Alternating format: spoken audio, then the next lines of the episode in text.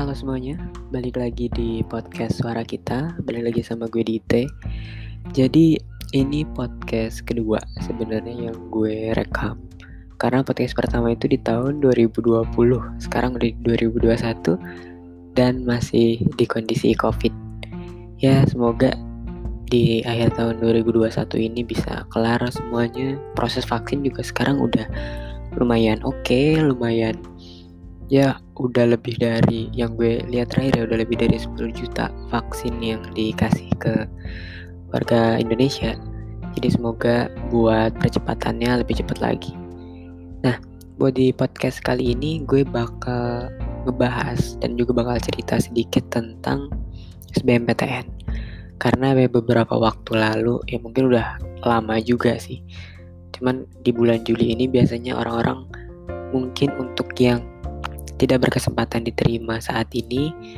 Ada yang lagi depresi, ada yang lagi pusing harus kuliah di mana, ada yang lagi bingung juga gimana caranya kuliah di swasta dengan biaya yang cukup mahal, dan juga ada yang mikir kalau misalkan kuliah di tempat kuliah yang biasa-biasa aja, itu mereka mikir kayak gue nanti kerja kayak gimana.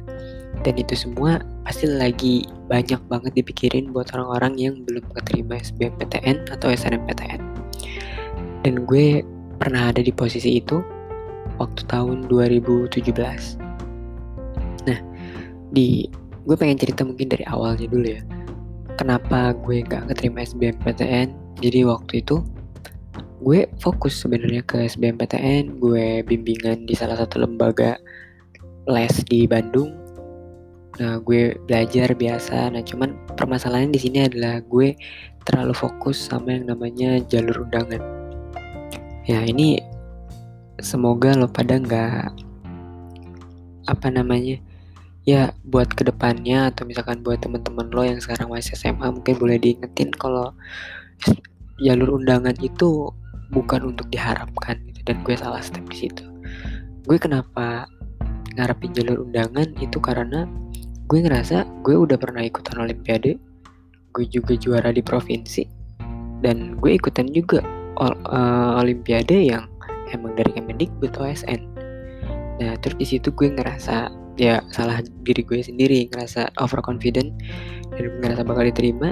Pas pengumuman ya gue nggak diterima sama sekali gitu. Nah, setelah gue nggak keterima SNMPTN, gue masuklah ke persiapan SBMPTN dan itu totally kaget banget gue. Karena yang biasanya gue belajar ya udah cuma sekedar buat TO TO juga gue kadang nyontek kadang extend waktu sendiri. Dan itu benar-benar gak efektif sampai ah, hari H gue SBMPTN gue ngerjain dan ngerjain bener-bener gak karuan. Gue ngerjain sedikit banget gue gue ngitung gue ngerjain berapa? Gue ngerjain itu sekitar 70 soal gak nyampe 75 gue ngerjain 72 atau 73 gue masih ingat kan gue ngitung. Nah terus ya udah tuh gue kan daftar ke Unpad sama ke ITB dua-duanya gue nggak masuk. Nah singkatnya kayak gitu. Nah terus pas gue keter apa namanya buka pengumuman dan gue nggak masuk ya yang pertama gue pikirin orang tua pasti. Jadi gue pulang ke rumah gue cerita gue nggak keterima ya respon orang tua kayak biasa aja sebenarnya. Cuman dari gue sendiri kayak ngerasa wah gue benar-benar chaos gue nggak tahu juga mau kuliah di mana. Even gue nggak persiapan baik itu dari uang persiapan apa pun itulah buat ke swasta gue nggak gak mikir itu sama sekali gitu. Nah yaudah tuh gue sekitar satu sampai sampai satu ya satu sampai tiga bulan gue ada di kondisi benar-benar di titik terendah gue. Gue nggak keluar rumah. Gue bener-bener di rumah. Gue nggak ketemu orang. Chat yang masuk dari temen-temen gue kayak kan pasti banyak banget ya di grup kayak selamat uh, buat ini udah diterima. Selamat buat ini udah diterima. Gue bener-bener nggak buka-buka lain sama sekali. Gue simpan hp gue diem di kamar. Gue diem gue bener-bener diem. Dan satu hal yang gue ingat adalah pas gue buka HP gue cuma nyari temen gue yang sama gak keterimanya kayak gue. Buat apa sebenarnya buat nge-encourage diri gue biar oke okay, ini ini hal biasa gitu. Ini hal biasa semua orang dan bahkan banyak orang di Indonesia juga ngerasain hal yang sama kayak gue. Jadi gue nggak mau ngerasa gue yang paling sedih walaupun sebenarnya gue sedih banget. Nah dari situ berlalu tuh sekitar 1 sampai dua minggu. Berlalu terus gue coba ketemu sama temen gue yang gak keterima. Nah ada dua temen gue yang satu benar-benar gak keterima dan dia gak nyoba di swasta. Yang satunya keterima. Eh sorry yang satunya juga gak keterima cuman dia keterima di swasta dan dia kuliah di swasta. Tapi kita bertiga tetap sama-sama pengen SBMPTN lagi nah singkat cerita gue nyari gue nyari tempat les sama temen gue yang nggak nggak keterima maksudnya nggak nggak kuliah swasta gitu. Temen gue yang kuliah di swasta ya udah dia sama teman-temannya gitu udah mulai ospek dan lain-lainnya. Ya udah gue sama temen gue ini yang bener-bener totally nggak keterima gitu. Nah gue itu gue baru ketemu sekali udah itu dua minggu setelahnya berarti satu bulan setelah pengumuman gue mulai coba cari-cari cara gitu gimana caranya gue nge-setup uh, materi yang harus gue pelajarin gue nge-setup rencana semuanya. Kayak gue harus daftar ke sini daftar ke sini dulu di semester 1 maksudnya di istilahnya paruh ke satu sebelum gue SBM lagi sampai Desember juga udah rencanain TO TO di sini sini sini sini. Kayak gitu. Sampai akhirnya setelah gue ngebuat planning nah ini ini sebenarnya yang penting mungkin buat lo yang gak keterima lo sedih dan itu wajar ya.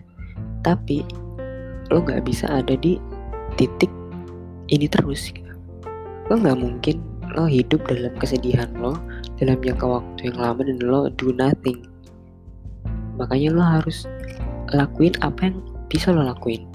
Salah satunya lo set up lagi walaupun sakit nge set upnya walaupun perih nge set upnya karena lo harus berhadapan sama kegagalan lo. Gitu gue lo gagal di SBMPTN dan lo harus ngadepin kegagalan lo lagi. Dan percaya sama gue apa yang nantinya yang lo rencanain dan yang bakal lo lewatin selama satu tahun ini sampai SBMPTN lagi itu bakal bener-bener jadi pengingat lo. Bahkan gue sekarang udah kuliah tingkat akhir. Ini terus-terusan ngedorong diri gue untuk do more pokoknya ngelakuin ngelakuin apa yang bisa gue lakuin karena gue bersyukur banget gue bisa kuliah. Gitu. Nah balik lagi ke persiapan gue gue persiapin bener-bener mateng. Gue butuh waktu sekitar satu minggu lebih untuk gue nge up apa aja yang mau gue lakuin. Gue mau daftar apa aja. Itu udah gue rencanain dan gue udah tulis di buku. Nah terus udah ngerencanain gue mikir kan ya kalau misalkan gue belajar sendiri sama aja bohong.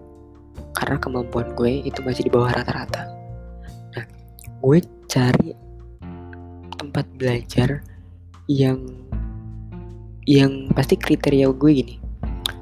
Tempat belajar gue itu murah. Terus yang kedua tempat belajar gue harus apa ya harus punya kekeluargaan yang kuat. Karena karena ini temen gue yang bakal jalan bareng sama gue selama satu tahun ke depan. Yang ketiga gue pengen nggak jauh-jauh dari rumah. Biar gue nggak ongkosan terus ya udah itu paling. Nah gue cari-cari-cari gue nemu ada dua. Nah dari dua ini perbedaannya cuma satu yang satu mahal yang satu enggak. Yang satu mahal dan udah banyak orang yang lulus gara-gara pola belajarnya di yang satu ini cuman harganya sampai belasan juta. Terus yang satu lagi harganya gue lupa harganya berapa cuman di bawah 10 juta dan bisa dicicil. Itu yang jadi poin plus. Nah singkat cerita gue milih milih yang paling murah. Nah ini buat teman-teman yang sekiranya pengen yang lebih murah lagi atau uh, kekurangan biaya untuk kelas di tempat seperti itu ada satu platform namanya Zenius. Nah di Zenius ini memang bayar.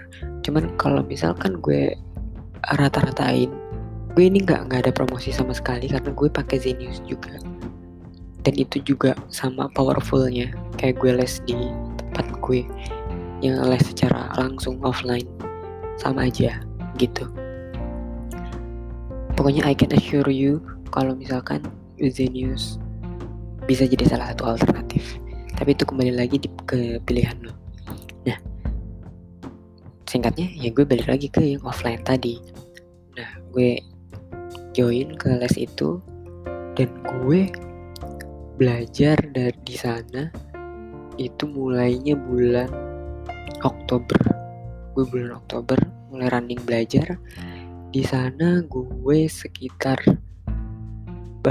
belajarnya itu tiga kali dalam seminggu. Nah tapi lu bisa datang setiap hari setiap minggu. Di tempat les itu dicampur. Jadi nggak nggak ada yang namanya ada sih namanya kelas Ronin. Cuman tetap wah kalau misalkan jam KBM-nya itu rada beda. Kalau misalkan yang Ronin yang Ronin itu kita yang gap year itu siang terus yang anak SMA itu sore. Tapi kan kita sering papasan dan gue oh gitu tempat les gue deket sama gue. Nah berarti kan gue ketemu adik kelas gue kan. Nah di situ ya mau gak mau perlu gue hadepin malu ya, ya jelas malu. Tapi ya gue harus jalanin itu. Karena gue gak mau ada di posisi ini untuk kedua kalinya. Jadi itu yang perlu kalian hadepin salah satunya. Selain itu apa selain itu kalian harus ngambil ijazah juga kan ke sekolah. Karena waktu itu setelah lulus BMPTN ijazah SKHUN itu baru surat keterangan aja. Nah jadi gue harus ngambil yang aslinya gue harus ya ngambil yang aslinya ke sekolah. Nah ada satu waktu gue datang ke sekolah di bulan November waktu itu kalau nggak salah.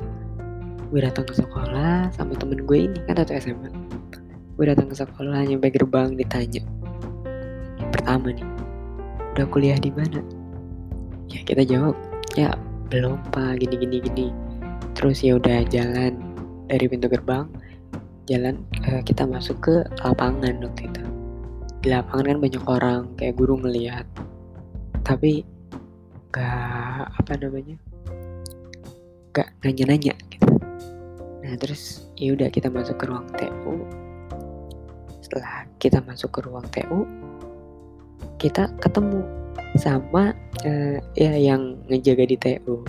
Terus ada buku besar yang mana buku ini itu yang harus kita isi nah, nama sama angkatan.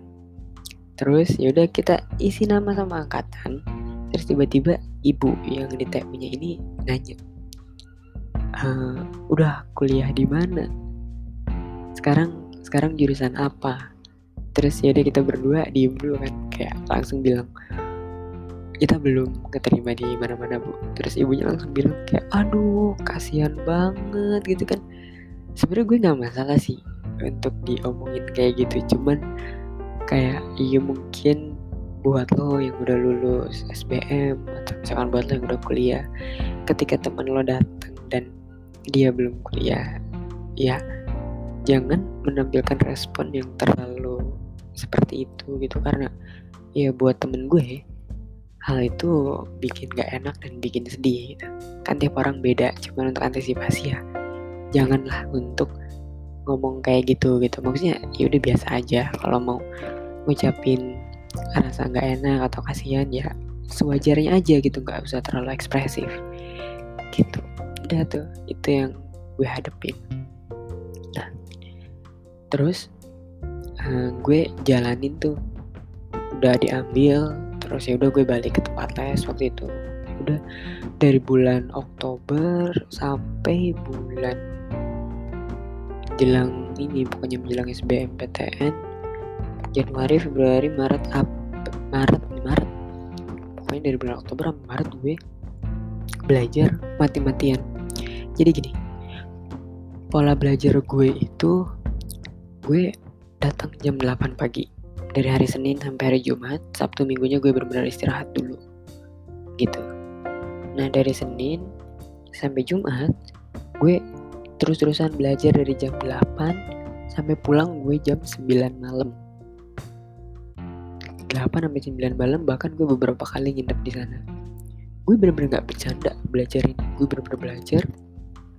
Main aja jarang. Gue bener-bener belajar materi gue bagi-bagi pokoknya yang gue nggak bisa gue harus bisa. Yang gue nggak bisa gue harus bisa. Dan gue bener-bener nge-push diri gue untuk gue harus lakuin ini. Gue harus bisa nih ngerjain ini. TPA gue bener-bener babat habis pokoknya 15 soal. Kan ada di TPA itu ada 75 soal kalau nggak salah. Nah kan itu ada per part-part gitu per bagian-bagian yang isinya 15 15 15 kan kalau di SBMPTN nah itu gue kerjain pokoknya harus bisa semua. TPA gue harus ngerjain semuanya nah oh iya TPA tuh ada 90 soal kalau kalau buat TKA nya TKA Saintek itu 60 soal. Iya bener. Jadi total ada 150 soal. Nah singkat cerita dengan pola belajar gue kayak gitu oh iya gue gue tetap pakai Zenius. Jadi gue pakai dua belajar tuh. Kalau misalkan siang dari jam 8 sampai jam 9 itu gue uh, pakai offline pakai buku-buku yang ada di les terus nanya ke guru di sana. Terus sekali kalau lagi lowong gue buka Zenius juga buat belajar hal-hal yang gak gue dapat. Sebenarnya konsep-konsep matematika dan fisika yang ada di Zenius. Gue belajar eh sorry yang gak ada di tempat les gue belajar di Zenius. Nah malamnya gue review review konsep-konsep yang ringan yang biasanya Sabda atau Wisnu kalau di Zenius tuh suka ngasih konsep yang ringan dan mudah dimengerti. Itu gue review sebelum tidur. Ya gue misalkan pulang jam 9 nyampe rumah itu tuh. Jadi dari sana jam 8 sebenarnya. Nah nanti di rumah gue review lagi. Apa yang ada di les cuman lewat metode Zenius jadi gue banyak metode yang bisa nambah pemahaman gue sebenarnya. Nah gue review sampai sekitar jam setengah 11, jam 11 Dan itu rutin dilakuin selama dari bulan Oktober sampai SBMPTN dan kalau misalkan diceritain kayaknya gampang. Tapi pas dilakuin itu bener enak gak enak lo harus lakuin itu. Karena balik lagi gue nggak mau ada di kondisi yang sama di kondisi yang gagal kayak gue di SBMPTN sebelumnya. Gitu. Nah paling itu dulu yang bisa gue ceritain sekarang karena gue juga nggak mau podcast ini durasinya lebih lama lagi atau bahkan lebih dari 20 menit biar pembahasannya ringan. Nah nanti di podcast selanjutnya gue mau bahas tentang detik-detik mau SBMPTN-nya, gimana gue belajarnya kan itu di bulan Maret ya. Nah terus gimana nanti di next podcast hingga tadi SBMPTN-nya gimana, persiapannya gimana, gue ikutan TO berapa kali, terus daftar kuliah juga ke mana aja apakah SBMPTN doang gue ambil universitas mana aja nanti gue bakal ceritain lebih lanjut di next episode. Oke? Okay? nah mungkin gitu aja dulu dari gue tetap semangat semuanya jangan pantang menyerah karena yang pasti kalau misalkan lu terus berusaha kegagalan insya Allah gak akan datang dua kali. Thank you semuanya